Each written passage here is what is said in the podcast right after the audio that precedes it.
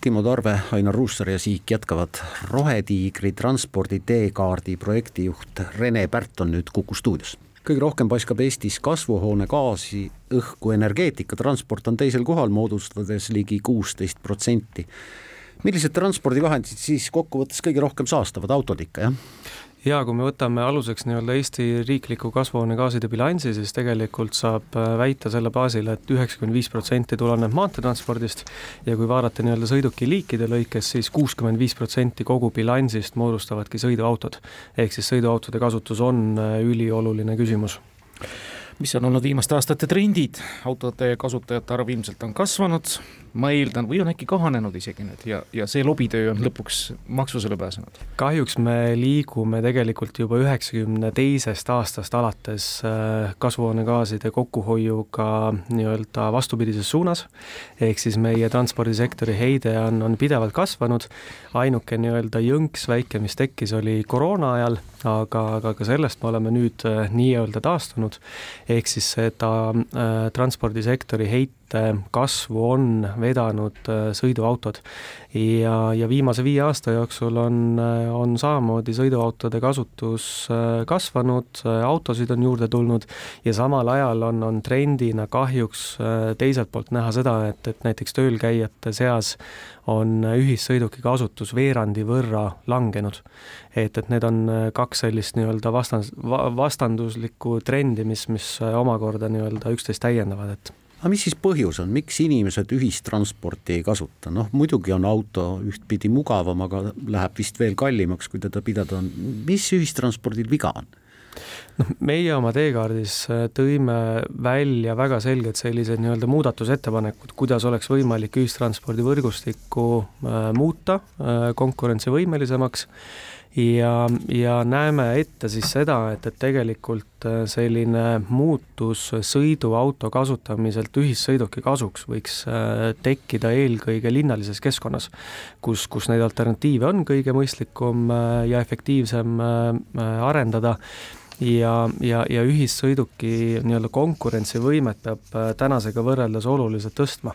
sellepärast, et kui me vaatame, kuidas on viimase viie aasta jooksul ka näiteks äh, tööle jõudmine või, või tööle minek äh, selle mineku aeg muutunud. ühissõidukiga on ta laias laastus samaks jäänud, sõiduautoga on see kaks minutit kiirenenud. ehk siis ähm, me näeme ette seda, et, et ühissõidukid peaksid olema paremini omavahel äh, seotud, need erinevad liigid, buss, tramm, rong, me näeme ette seda, et et, et ühissõidukeid peaks jätkuvalt muust liiklusvoost äh, eraldama just nimelt selleks, et seda nii-öelda kiirust ja mugavust tõsta. et paratamatult äh, jääb selliseid piirkondasid Eestis, kus äh,, kus sõiduauto kasutus on äh, jätkuvalt nii-öelda mõistlikum kui, kui äh, ühissõiduki kasutamine just nimelt nende alternatiivide arengu Äh, nii-öelda rahastamise mõttes ja ega hajaasustusega maapiirkonnas, ega see ju teistmoodi toimida hästi ei saagi. linnalisest keskkonnast rääkides te olete välja toonud, et eri transpordiliike ühendavate sõlmpunktide kiirete bussiühenduste loomine, see on selge, et tallinlasel on ka üks ümberistumine liiga palju. aga võib-olla teisiti ei saa, Tallinn vähemasti natukene mõtleb kaasa, korrastab liinivõrku ümber, mulle tundub, et küll natukene rapsides, aga ta vähemalt üritab. mis võiks olla see põhimõtteline otsus, mis võiks nüüd ära tehtud saada ikkagi, mõeldes näiteks kasvõi selle peale, kui fenomenaalselt populaarne on rongisõit rongisõitjate kasv on tõesti äh, jõudnud sinna kaheksa miljoni äh, reisijani ja tegelikult äh, on ju Elron ka prognoosinud, et aastaks kaks tuhat nelikümmend, mis on meie nii-öelda teekaardis ka selline visiooni siis lõpptärmin, võiks Eestis olla rongisõitjaid kakskümmend miljonit, mis on siis peaaegu kolmekordne kasv tegelikult võrreldes praeguse tasemega.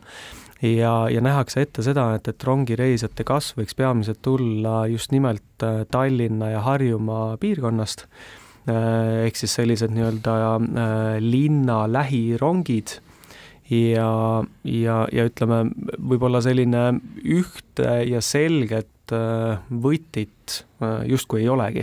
ehk siis ka meie teekaardis need muudatusettepanekud ikkagi toimivad sünergiaga või sünergiana ja, ja toimivad üheskoos äh, seda, et, et need multimodaalsed liikuvuskeskused äh, tekiksid, et need erinevad siis äh, ühistranspordiliigid oleksid omavahel äh, seotud.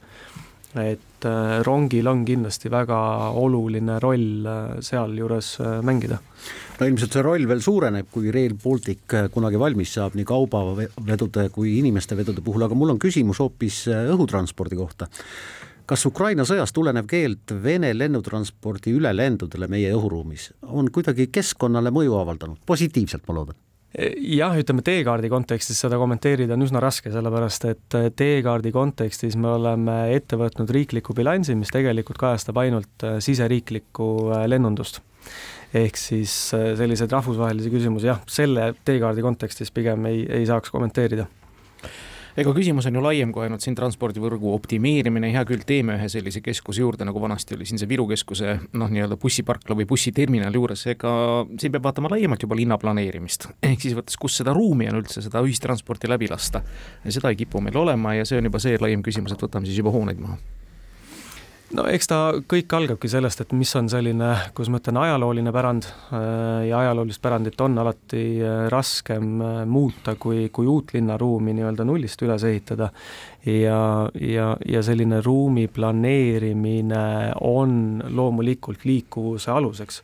ehk siis milliseid liikumisviise üleüldse näiteks linnalises keskkonnas eelisarendatakse kas me ehitame juurde nii-öelda autoteid või me proovime nii-öelda tagada kõikidele liiklejatele linnalises keskkonnas siis võrdsed nii-öelda liikumisalused, et tunneks teiselt poolt ka turvaliselt ennast ka see nii-öelda jalgrattur, tõuksiga sõitja, jalakäija ja, ja ühistranspordi kasutaja.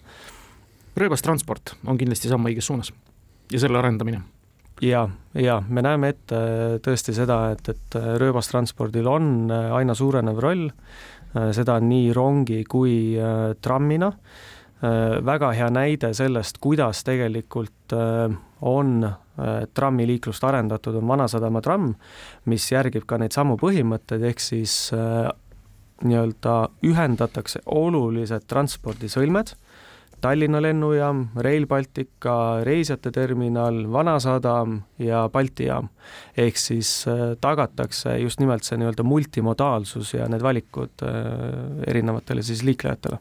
Teie koostatud teekaart toob välja kaks stsenaariumi, üks neist on positiivne stsenaarium aastaks kaks tuhat nelikümmend ja teine on tulemuslik stsenaarium aastaks kaks tuhat nelikümmend mida see tähendab siis, mida te loodate, positiivset ja tulemuslikku? jaa, stsenaariumi eeldused on erinevad, ehk siis positiivses stsenaariumis me oleme aluseks võtnud äh, kõik teadaolevad äh, nii-öelda strateegiad, regulatsioonid, muudatused, millest on räägitud ja, ja mudelites siis äh, ette mudeldanud selle kokkuhoiu aastaks kaks tuhat nelikümmend, ehk siis vaadanud, kui kaugele me nende nii-öelda muudatuste baasilt kokkuhoiuna jõuame tulemuslik stsenaarium oli meie töö tegelikuks aluseks, ehk siis meil oli väga selge eesmärk ees Äh, leida võimalused, kuidas hoida kasvuhoonegaase kokku üheksakümmend protsenti aastaks kaks tuhat nelikümmend. Ja tegime sellise nii-öelda tagurpidi arvestuse just nimelt selleks, et näidata, kui mastaapsed muudatused on tegelikult vajalik sektoris ellu viia, selleks, et, et seda kokkuhoidu oleks võimalik saavutada ja välja tuua siis need põhilised väljakutsed või pudelikaelad, mis on vajalik ära lahendada, kui on nii ambitsioonikas soov nagu nimetus ütlebki, tegemist on teekaardiga. Ehk siis suunanäitajaga, kui palju on reaalset huvi kohalikel omavalitsustel, kellele see suuresti on suunatud ja asjaga tegelevatel ametkondadel taolise teekaardi vastu, kui aktiivselt käiakse seminaridel kaasas, kui aktiivselt helistatakse, kirjutatakse, küsitakse. See suhtlus on äh, tegelikult ütleme iga, ma ei ütleks igapäevane, aga iganädalane kindlasti. Äh, teekaart on oluliseks sisendiks ka näiteks äh, praegu käimasoleva kliimaseaduse arutelude juures erinevates töögruppides on, on meie ettepanekutega arvestanud, need ettepanekud üldjuhul nii-öelda ühtivad sellega, kuidas ka riik ja, ja Kliimaministeerium asja ja sektorit näeb. ja, ja, ja loomulikult on ta selliseks nii-öelda teekaardiks ja meil on tegelikult plaanis ka iga, ütleme kuskil paariaastase tsükli tagant hakata teekaarti siis uuendama vastavalt sellele, kuidas keskkond on muutunud, vastavalt sellele, kuidas ka tehnoloogia on muutunud ja, ja vajadusel siis ka korrektuur äh, sisse viima. nii et tuleb neljas teekaart ja viies ja kuues, loodame kaks punkt null, kaks punkt üks, nii nagu see käib. aitäh, Rene Pärt tulemast ja soovime edu, jõudu teekaardile ja teie tegemistel. aitäh!